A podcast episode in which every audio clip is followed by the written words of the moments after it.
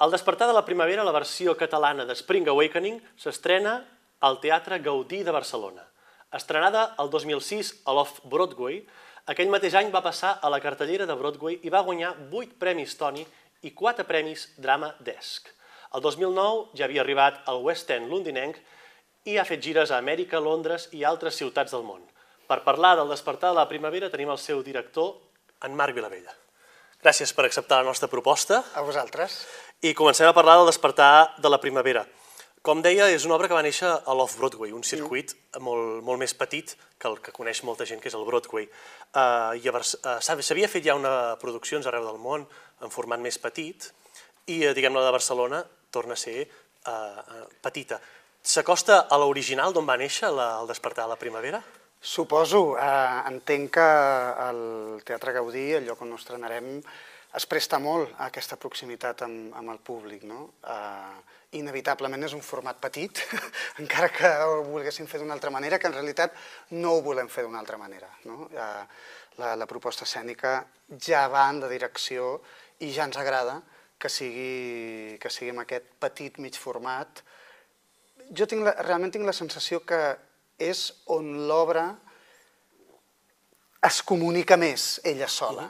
Uh, per tal i com està escrita, pels temes que tracta, crec que aquesta proximitat fa que li pugui arribar més fàcilment a l'espectador.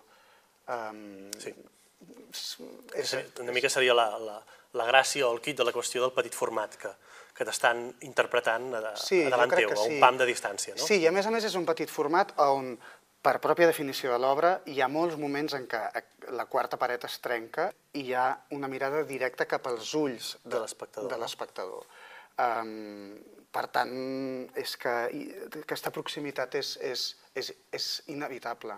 Per l'actor també li és molt més fàcil quan mira l'espectador i no té aquella gran distància en la que en realitat el que veu és negre i s'ha d'imaginar que hi ha un espectador. Sí que també es comunica, perquè bueno, ho, ho, ho sabem fer, o, o la convenció ja entenem que això està passant, però és que realment eh, el públic veu que els ulls de l'actor l'estan mirant. No? Sí.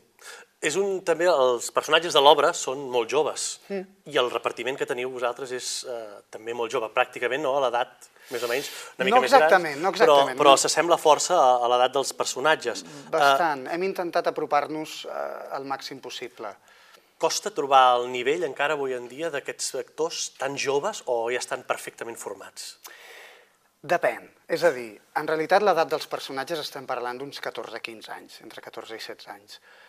Uh, clar, l'edat del repartiment per nosaltres és impossible, això és inviable, és incontractable, diguem-ne. Mm. per tant, oblidem-nos. Uh, seria el repartiment ideal tenir, tenir aquestes edats? Depèn. Quantes Julietes hem vist de 14 anys? No sé què dir-te. Vull dir, sí. és, és realment necessari que, que els actors tinguin l'edat exacta dels personatges. Jo crec que en teatre és cert que l'edat exacta li dona aquest punt de, de frescor, però alhora crec que la, una maduresa, tenir uns anys més, fa que la mirada sobre aquella edat pugui ser una mirada d'actor, d'intèrpret, sí. de que la pròpia maduresa fa que hi hagi una distància i que puguis aportar coses sobre aquell moment des d'un lloc una mica més madur. Tinc la sensació que si tinguéssim un repartiment d'una data exacta, seria només, funcionaria només per un públic jove, per un públic molt aproximat en aquella edat. Crec que si tenim un, un repartiment amb una mica més de distància, fa que puguem comunicar-nos i, i pugui haver identificació per part del públic amb una franja més gran, més gran d'edat. Per mi no és absolutament imprescindible que sigui exacte. I a més hi ha una nova fornada no, d'actors d'aquesta generació, no? Sí, sí. Respecte al que deies del nivell, um, Déu-n'hi-do, eh, el nivell que hi ha. Es nota que hi ha moltes escoles des de fa un temps. Es nota que que hi ha gent que es comença a formar des de molt, molt, molt, molt, molt jove i que comença a tenir 17, 18 anys. Hi ha gent de 17 anys, de 17, que algun s'ha presentat en el càsting i que ens l'haguessin plantejat, eh, però és que no tenia els 18 anys eh, a partir del moment de l'estrena. És que, déu nhi o sigui, que, que, que sigui contractable ja amb 17 anys... Que s'ha fet feina a nivell, a nivell pedagògic a totes les home, escoles. Home, s'ha fet feina, eh? És a dir, hi ha talent, hi ha talent, hi ha material pels propis aspirants i, a més a més, s'han preocupat i han tingut la, la, la, la responsabilitat de, de, de formar-se i de, i de, i de fer-ho bé. Sí, sí, sí que n'hi ha, sí que n'hi ha. S'ha presentat molta gent i haguéssim agafat a molta més a la que finalment hem pogut agafar doncs, perquè eren les necessitats de l'obra. Sí. Perquè, per explicar una mica què s'han trobat els aspirants, eh, quines va ser les audicions, com, com van estar estructurades? Mm. Mira, la primera fase eh, tenien un petit monòleg i, i dues cançons, dues mitges cançons, tot material de, de l'obra, i tothom passava tot el material que s'havia preparat. Aquesta era la primera fase i aquí fèiem una, una primera criba. Eh, que diria que es van enviar més o menys uns 300 currículums, dels que crec que a la primera fase eh, van arribar-ne uns 120, vam veure, o vam convocar uns 120.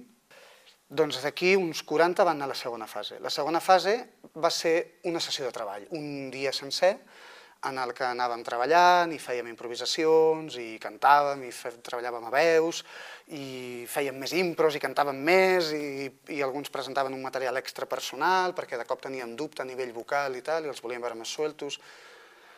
Era important per mi veure, tenir, que tinguessin espai per aconseguir passar aquella cosa de estic sota pressió, que, que passi, que allò passi i veure'ls treballar. És, és important aquests tipus de, de càsting perquè a vegades tu jugues tot amb una moneda a la que hi ha una mica de sessió de treball, pots ensenyar, estàs més tranquil, pots ensenyar moltes més coses que tens, no?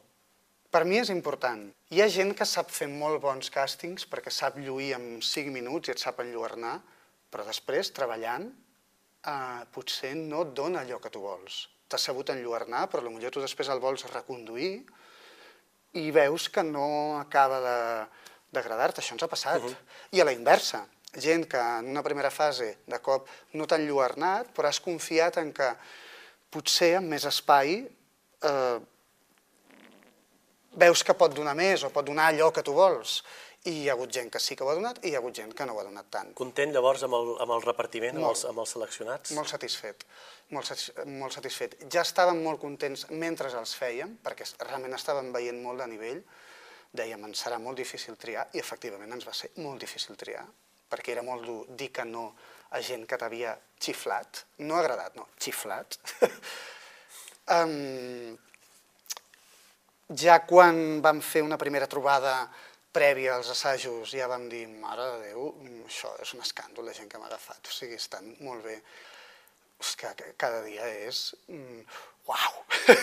és fascinant és fascinant. Això té bona pinta, doncs. Que té sigui... molt bona pinta, té molt bona pinta. Realment estem, estem molt engrescats. Molt. I per als espectadors que no coneixin el Despertar a la Primavera, què, què els hi diries? Com el, perquè sabem, pel que els hem dit, que són gent jove, mm. que és una obra moderna del, de, del, dels 2000. Sí. Com, què els hi diries? Mira, jo els diria que és una obra imprescindible de conèixer si t'agrada el gènere musical o per poc que t'agradi el gènere musical, és una obra imprescindible perquè pràcticament tota la gent que conec uh, és un d'aquells títols que genera alguna de dir oh, l'Spring, oh, ostres, que maco, que especial és. No és un títol més. Sí. No sé exactament per què. Sé què em genera a mi, no? O sigui, sé, sé, sé què és el que m'hi enganxa o el que m'agrada o el que... que... Que potser són coses diferents uh, amb el que amb el que li enganxa amb una altra persona. Però és un d'aquells títols, crec, que, que no és un títol més, que... Segurament és una, una possible clau és que les, els problemes que tenen els personatges poden tocar a tothom des de diferents perspectives, per tant, també des de, diferents, sí. de, de totes les edats. Sí, no? crec que sí, crec que sí. Diria que és un d'aquells títols, tots tenim, suposo, els nostres quatre o cinc musicals de capçalera, no? Sí. els que ens emportaríem una illa deserta, si Exacte. només ens en donessin entre 3 i 5, doncs l'Spring per mi estaria entre aquests 3 i 5, eh, seria un dels imprescindibles. També les temàtiques es toca sexe, suïcidis, pubertat, diguem-ne, van molt també per engrescar eh, a un públic jove que potser sí. no està tan acostumat a anar al teatre o que hi va en comptades ocasions. Sí, el públic jove s'hi pot sentir fàcilment identificat perquè parla, sobretot, d'ell. parla del que li passa, del conflicte generacional, d'allò que em volen ensenyar i no acabo d'entendre per què m'ho volen ensenyar o m'ho volen ensenyar però a mi m'estan passant unes altres coses, per què no s'interessen en el que a mi m'està passant, quin és l'espai que tinc per, per dir, per queixar-me, per revelar-me.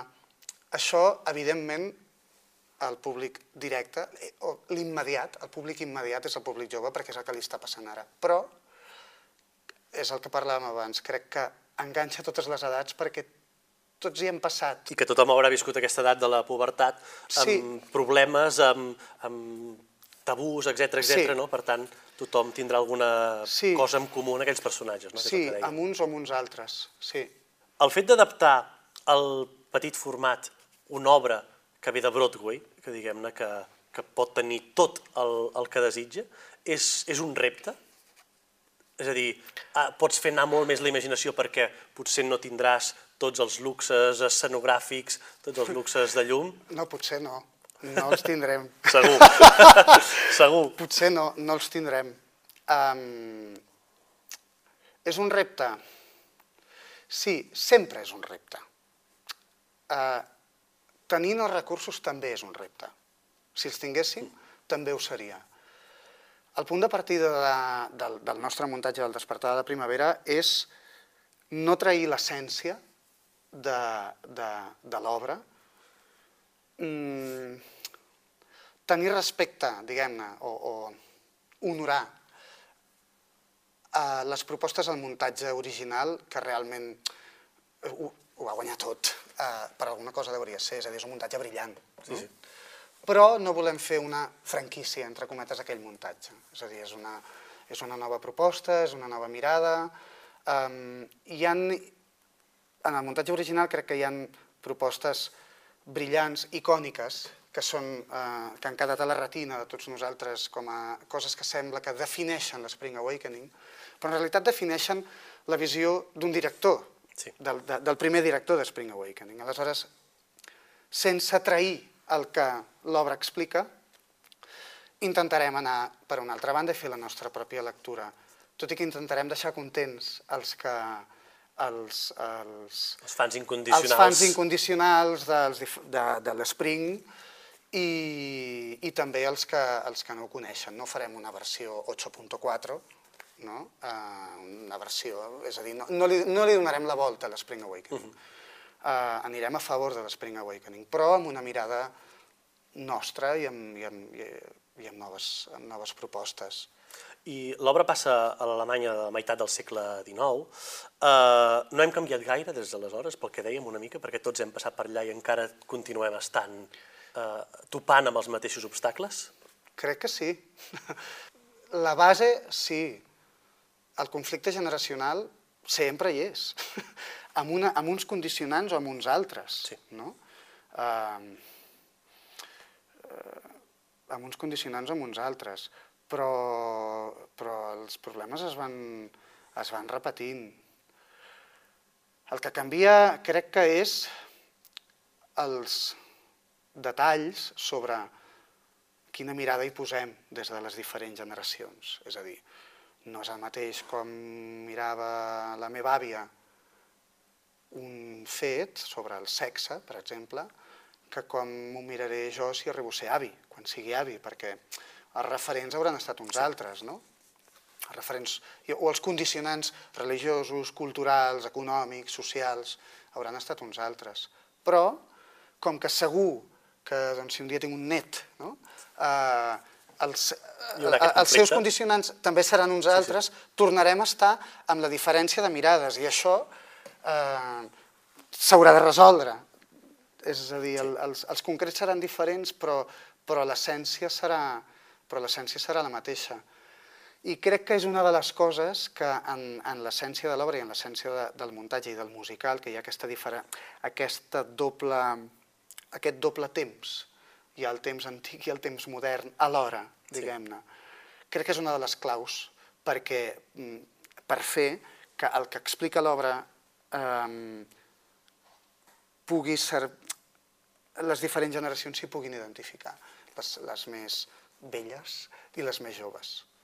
I està previst que el despertar de la primavera, un cop acabi la llarga temporada, al Teatre Gaudí visiti ciutats de Catalunya, el fet de ser un petit format que potser és més mòbil? Dios te oiga. li fem la proclama des d'aquí, no? Li fem la proclama des d'aquí. Està previst, més que tot estigui previst, és a priori no hi ha res a que li diguem que no, no? Um, és que si arriba, benvingut serà. Home, benvingudíssim. uh, un, una proposta de petit format sense, sense recursos, que a priori doncs, només pot estar durant un temps en un teatre determinat, si després això té l'èxit que es desitja i això fa que, que, que sigui extensible en el temps i en, i en, i en, i en l'èxit, um, tant de bo, tant de bo. I creus que vivim un moment especialment afortunat pel petit format a Catalunya?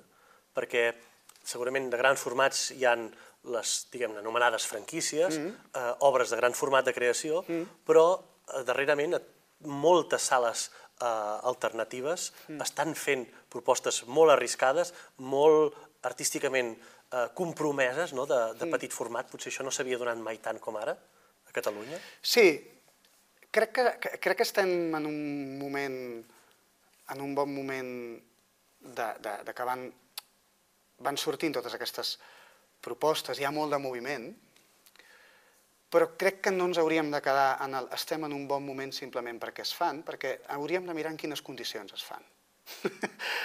és a dir, estiguem contents a nivell creatiu, vale, sabem que hi ha gent, sabem que hi ha idees, sabem que hi ha impuls, sabem que hi ha estímul, i que s'acaba fent, sigui com sigui, s'acaba fent, ho acabem fent. Però intentem no conformar-nos ara. Sí. no? Crec que el següent pas, aleshores, és fer que que logísticament pugui ser una mica més fàcil, que no sigui tan cuesta arribar, no? Um, que no sigui tan feixuc i que no sigui a costa dels sous, del sobreesforç, del, bueno, és igual tot, l'important és fer-ho. Sí, ja ho sabem, això ja ho sabem, els artistes som així, l'important és fer-ho, però estaria, el següent pas seria, seria intentar trobar les fórmules i les condicions que intentar que siguin una mica més favorables a, que, a, a, a, que, a, a intentar que sigui menys així cada vegada. Segurament eh, el que dèiem abans, la formació amb els últims 20 anys ha canviat eh, moltíssim. Totalment. Segurament potser el que ens, encara ens falta o ens separa molt és la producció. Sí. Eh, com entendre això, que és una feina artística, però sí. que és una feina, no? Sí. Seria el que més ens allunya encara potser del model eh, anglosaxó o el model americà, que també existeix aquest format, però que allà està considerat com una feina i que hi ha una producció molt, molt més potent i uns productors públics i privats, no?, també. És que allà és una indústria. Allà està considerat una indústria. Aquí no. aquí, aquí encara, encara no ho és. I no sé si ho arribarem a ser mai, no sé, potser, potser les condicions generals eh, del país. Potser s'ha de crear un altre camí del país, sense, sense aquests models. Exacte. Jo, segurament, és a dir, entenc o, o, o tinc la impressió que el model d'indústria generat a, a Broadway i al West End està molt vinculat amb el turisme, és a dir, amb, sí. amb, amb tot el moviment que va relacionat amb el turisme. Aquí lluitem amb la paella i, diguem, aquí el turisme és una altra cosa, ve per altres coses, no ve per veure teatre. Segurament no, no tinc la resposta, eh? ni, ni tan sols tinc intuïcions sobre això, però sí que tinc la sensació que la via és una altra, que la via és una altra, que aleshores estic absolutament d'acord amb tu. El, el, la, la proliferació i la multiplicació d'escoles eh, ha, afavorit molt això, que hi hagi aquest moviment. No? Jo he tingut la sort de ser durant vuit anys cap d'estudis a Memory i, i ho he pogut veure, és a dir, crec que, eh, que, que les escoles s'han posat molt al dia, s'han posat molt al dia. La pròpia, que, que hi hagi hagut competència entre les escoles sí, sí. Ha, fet, ha fet que el nivell vagi pujant molt i molt i molt ràpid, perquè tothom ha hagut de, de, de posar-se molt les piles. Ara faltaria equiparar, en general les escoles no van directes cap a aquesta indústria, sinó que van directes cap al petit mitjà format. Aleshores, ara faltaria també que hi hagi un, un, un un sistema una mica més, més a favor d'això, sí. I com bé deies, eh, has estat molt en contacte darrerament amb, el, amb, amb alumnes, no? amb la part pedagògica. Sí. Què, què creus que és el que ha canviat més i el que hi trobaries a faltar encara? Que dius, aquí encara hem de millorar. Mira, jo he estat alumne de moltes escoles, també. Qual cosa també és una, una clau Sí. important abans de, de Sí. ser professor perquè Sí. pots anar veient molts models diferents no? Sí. i sabem què, en què encerten sí. i en què erren. No? Sí, he estat alumne de moltes escoles i he estat professor de moltes escoles, també. Crec que amb els anys les escoles en, en general han anat obrint la seva mirada. És a dir, eh, tenien tendència, tenien tendència en general a, a, a, a donar uns serveis més especialitzats, més, amb una mirada més eh, limitada. No vull dir que sigui dolent això, eh? però em refereixo que, que en- ensenyaven menys coses, no? i amb els anys s'ha anat obrint, s'ha anat obrint. Crec que va... crec que és algo que és en paral·lel a tota la societat. És a dir, és tan fàcil tenir accés a tot, no? Cada cop és estrany arribar en un lloc on la mirada és només en una sèrie de coses. I aleshores crec que, que en general la- les escoles han, això, han, han, han obert el, el, les possibilitats de les coses a fer, han entès, s'ha entès que, que el seu no era l'únic i potser fins i tot no el millor, no? I aleshores, què és el millor és molt difícil de definir. Uh, per tant, en general, això, crec que s'ha anat obrint el servei i, i la mirada. I crec que això és positiu.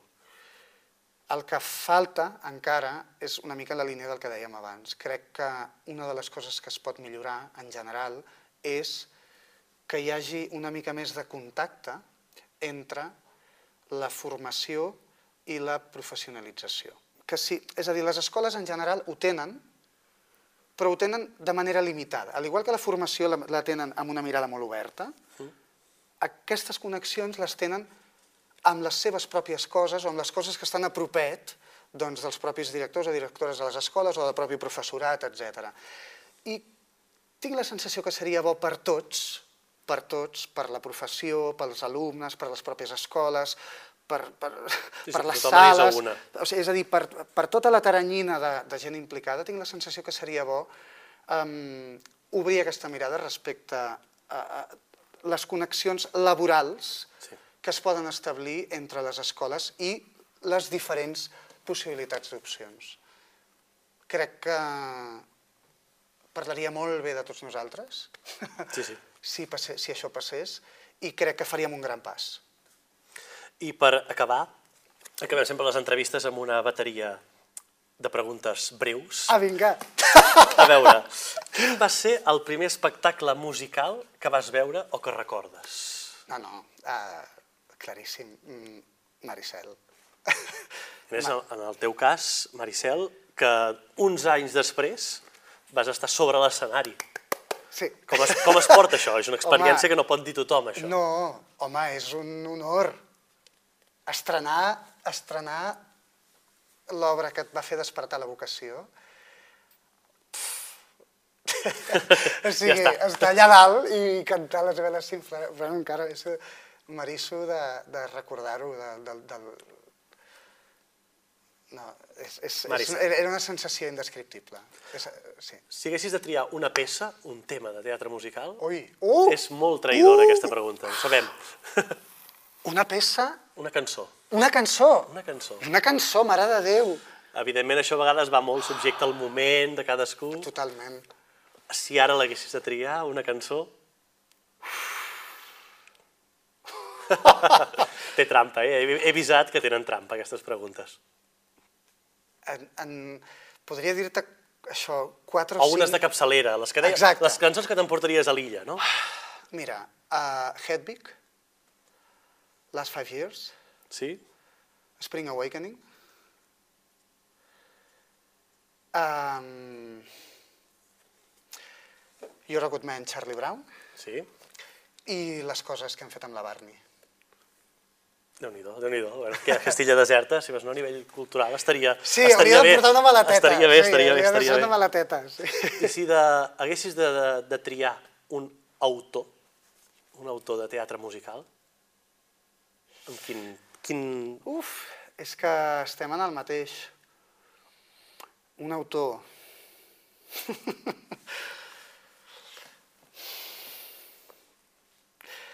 Mira, sé que quedaria molt bé di dient uh, Sondheim, evidentment. El mestre dels mestres. El mestre dels però, mestres no, sé que, sé que quedaria molt bé dient gustos. això. Evidentment el disfruto molt, evidentment el disfruto molt, però com disfruto molt també altres coses. És que sóc incapaç de... Seria un mix d'autors, És no? que seria també, de, sí, també seria un mix de, de, de, de moments, no sé, no sé. és, és, que, és, que no, és que ho sento, no t'ho puc respondre. Cap problema. Un record, un record de, de teatre musical que no m'hagis pogut borrar. A part del del Maricel, que ja compta com a record, també, eh? Un... Com a actor, com, Com a actor. director, No, no, com, com a- com a públic. No, em, em ve... Em ve, em ve un com actor amb, amb l'Ojos Verdes. Um,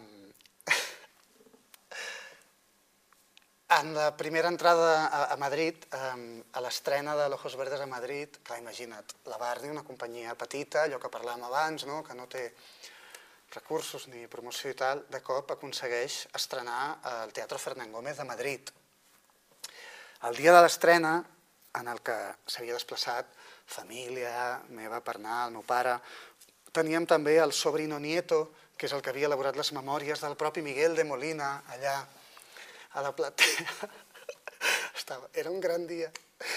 Uh, a l'entrada del personatge, que vaig a, a apagar una ràdio on està sonant uh, la seva enemiga, uh, Concha Piquer, vaig amb embranzida i com que era un gran dia vaig anar amb una gran embranzida i just a l'arribar a la taula on estava primer un mantón i després a sobre la, la ràdio, vaig relliscar i va, vaig aixecar les cames, vaig agafar en el mantón, vaig, o sigui, la ràdio va anar pel terra, va anar sobre d'un foco que havia de després il·luminar la bandera republicana, és a dir, va ser un moment patètic, absolutament patètic. Um, Va ser l'esperit de la Piqué. L'esperit de la Piquer em va jugar una mala passada allà, totalment. I recordo, recordo molt, molt, molt, molt el moment d'estar a terra, recordo s- so de públic de... fins i tot algun riure contingut, rotllo així, i recordo estar a terra amb un mal del dimoni pensant, bé, això és dissimulable. Tot i així, bueno, vaig pensar, bueno, in- intenta aixecar-te amb dignitat. Uh, M'aixeco, jo havia de mirar els meus companys que estaven allà, i veig els meus companys, jo intentant mantenir la compostura així, i ells estaven de... O sigui, estaven a punt d'explotar de riure. És, cada vegada que ho recordem eh, ens, eh, bueno, ens, ens pixem de riure. És, és històric, realment eh, és una estampada històrica. Jo tinc una certa tendència amb els diferents espectacles a estampar-me, però aquesta, aquesta va ser realment... Va ser majúscula, aquesta va ser majúscula, sí. I la darrera pregunta. Què és per tu allò que només té el teatre musical? Moltes vegades els espectadors diuen és que m'agrada aquest gènere perquè té aquella cosa... Com definiries aquella, aquesta Hmm. difícil pregunta? Aquella cosa, és cert. Aquella cosa. és cert.